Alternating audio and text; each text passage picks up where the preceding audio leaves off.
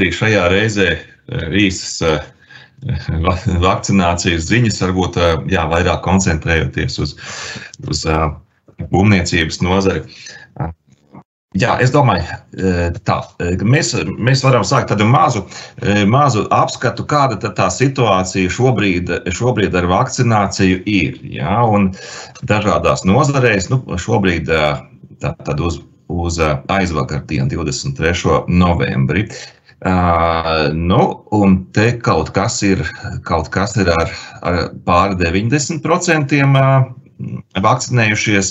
Nu, būvniecībā tas ir 81%. Tātad ir arī sliktāki rādītāji, piemēram, enerģētikā 77%. Uh, nu, vis, vissliktāk iet mākslai, kultūrai un izklaidēji 73%, bet nu, ņemot vērā, ka tiešām būvlaukumā visiem jābūt vakcinētiem, tad nu, 19% darbinieku, kas vēl nav vakcinējušies, protams, raisa bažas un dažādas izaicinājumus. Nu, vēl mazliet laiks ir līdz 1. decembrim, bet tad skatīsimies. Nu, kas tad var strādāt klātienē? Tātad no 1. decembra tikai tie, ka būs eh, vakcinācijas vai Covid-19 pārslimošanas certifikāts. Tur citu variantu vairs, eh, vairs nav. Vakcinēšanos var atlikt, ja ir ārsta koncīlija lēmums, un, un, un, un šobrīd pieejamā informācija ir tāda, ka 250 cilvēki ir ir vēršies pie šī ārsta koncīlija, un tas ir atlicis vakcinēšanos tikai astoņos gadījumos. Tā kā nu, tiem, kas Tiem, kas nevēlas vakcinēties, tas, tas, šī iespējamība arī ir diezgan maza. E, jautājums, kas ir, kas ir klātienē? Ja? Vai, vai tomēr būvlaukums, kas atrodas e, vairāk vai mazāk svaigā gaisā, protams, atkarībā vai tā ir tiksim, pilsēta vidū vai kaut kur citur, vai tā vēl joprojām ir klātiene. Un, un jā, arī būvlaukums ir klātiene.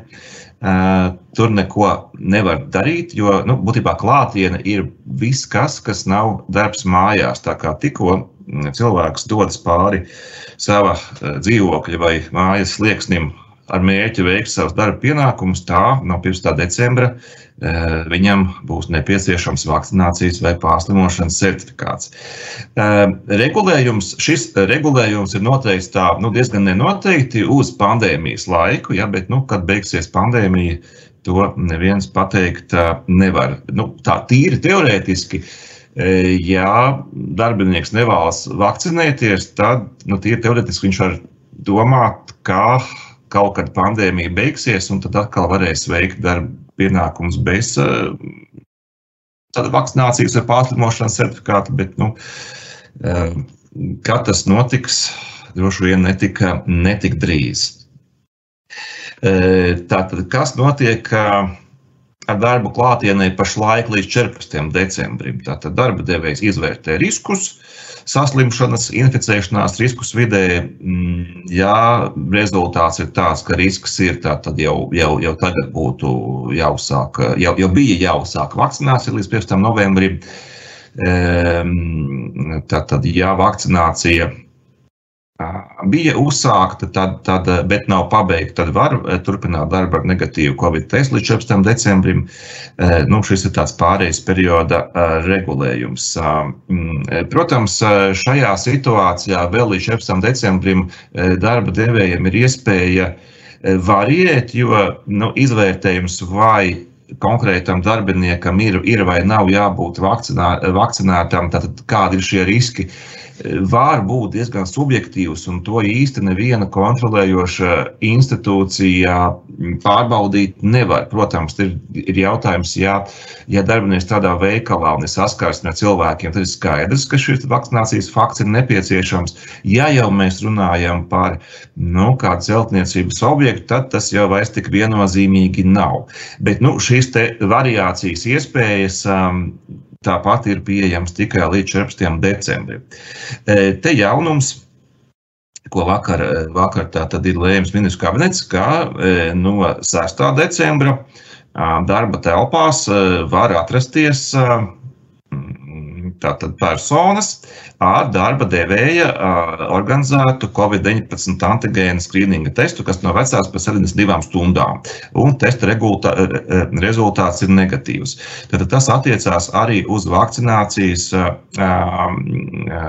personām, kas veikušas jau vakcināciju vai kurām ir pārslimošanas certifikāts.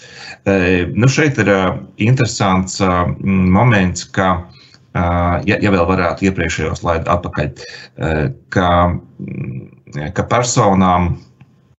Tātad šeit ir runa nevis par klātieni, kā bija no publiski pieejamās informācijas saprasts. Jā.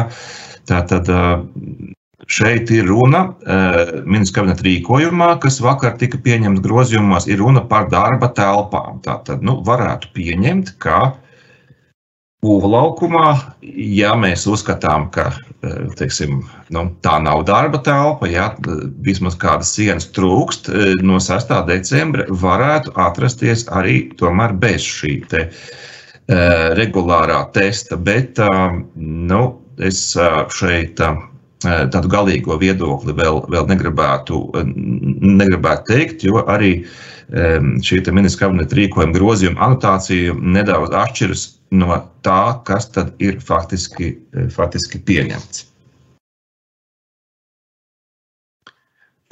Tātad tālāk par, par datu aizsardzības aspektu, ievācot informāciju par darbinieku vakcinēšanās statusu. Tātad to var, to var ievākt, to pat arī vajag ievākt.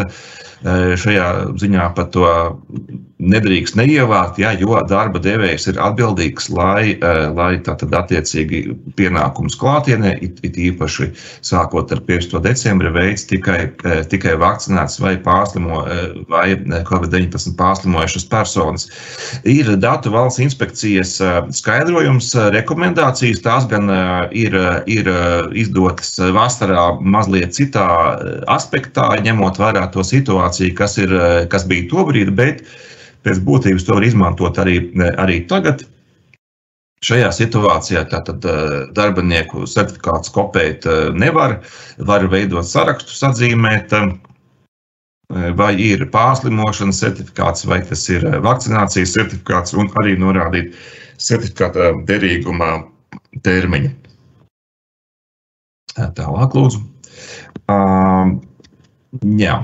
Uh, Pēdējais jautājums, kam gribēju īsi pieskarties, um, ir, uh, ir uh, nu, šis asais, asais strīds, tātad vai mm, šis vispārējais darbinieku vakcinēšanas pienākums, tātad valsts sektorā visiem, privātajā sektorē tiem, kas strādā klātienē, ir juridiski pamatots un, un atbilst satversmei un cilvēktiesībām. Uh, To tad gala lēmumu, protams, teiks satvērsmes, satvērsmes tiesa. Šobrīd ir pieņemts administratīvās rajona tiesas spriedums konkrētā lietā, tātad pēc labklājības ministrijas ierēdnes pieteikumu, un tur bija arī līdzpiete, līdzpieteicēji, tātad laulātais un, un arī meita, kuri visi strādā publiskajā sektorā, un kuriem visiem trietā bija šī obligātā vakcinēšanās prasība. Nu, Administratīvā rajona tiesa sprieda, ka šis ministra kabineta rīkojuma punkts ir pamatots, bet šo lēmumu var E, var pārsūdzēt e, un argumentēja, ka nu, tiešām tā situācija ar Covid-19 e, izplatību ir tik ļoti slikta un tie riski sabiedrībai ir, ir, ir pārāk lieli, lai nu, atļautu individiem šajā ziņā izvēles brīvību. uh, Eh, darba pienākumu veikšanai, vakcinēties eh, vai nē. Tad nu, tiesa stādīja citu cilvēku, jeb sabiedrības intereses augstāk par konkrētu personu interesēm. Eh, un pēdējais jautājums, kam es gribēju pieskarties, ir, ka nu, mums ir viens tiesas spriedums, droši vien būs citi, pirmā instance. Gala rezultāts, protams, nav zināms.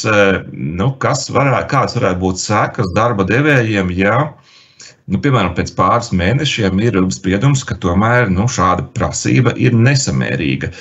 Uh,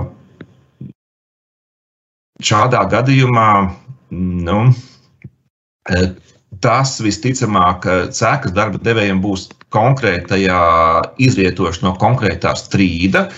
Piemēram, ja darbinieks būs cēlis prasību par kādu zaudējumu atlīdzību tiesā pret darba devēju, tad saistībā ar to, ka viņš bija atstādināts, nevarēja strādāt. Uh, E, nu, civiltiesiskā kārtā tātad, jā, arī, arī vispārējā juridiskās, e, juridiskās tiesa var pieņemt lēmumu vērsties satversmes tiesā. Tas gan nenotiek pārāk bieži, bet tāda iespēja ir. Nu, tad, tad, tad tiesa izspriež un var būt, jā, ka šīs lietas eh, ietvaros tātad darba devējs, kas ir it kā rīkojies atbilstoši likuma prasībām, nu, beigās tad, tad, eh, tad viņam ir, ir jāmaksā, mm, jāmaksā eh, kompensācija darbiniekam. Bet, kas attiecās uz tādu vispārīgāku jau regulējumu, tad, tad tur vajadzētu būt satvērsmes tiesas spriedumam, un tas jau būs par to situāciju, kas būs pēc ārkārtējās situācijas, jo nu, šobrīd ārkārtējās situācijas e, ministra kabineta rīkojumu var apstrīdēt tikai administratīvajā tiesā, satversmes tiesā to nenodarbojas, bet pēc tam būs regulējums, ko varēs apstrīdēt satversmes tiesā. Un tur, e, ja arī tiesa to atzīs par nesamērīgu prasību, visticamāk, ka šis, e, šis noteikums, ministra kabineta noteikumi, e, kas noteiks obligāto vakcināciju darbam klātienē, un arī likums, kas paredz tātad iespēju atlaist darbinieku, kurš nestrādā klātienē, visticamāk šīs izmaiņas nu, stāsies spēkā, nebūs ar atpakaļējošu datumu. Jā, tad tur nu, nevajadzētu būt tādai situācijai, kur eh, darba devējiem būtu jāmaksā par saviem, eh, par saviem, no, no saviem līdzekļiem, iespējams par, par ministru kabinetu varbūt eh, pārmērīgi ierobežoja cilvēktiesības ierobežojušu lēmumu. Bet nu, jās, jāsaka, ka Latvija šajā ziņā nav vienīgā valsts.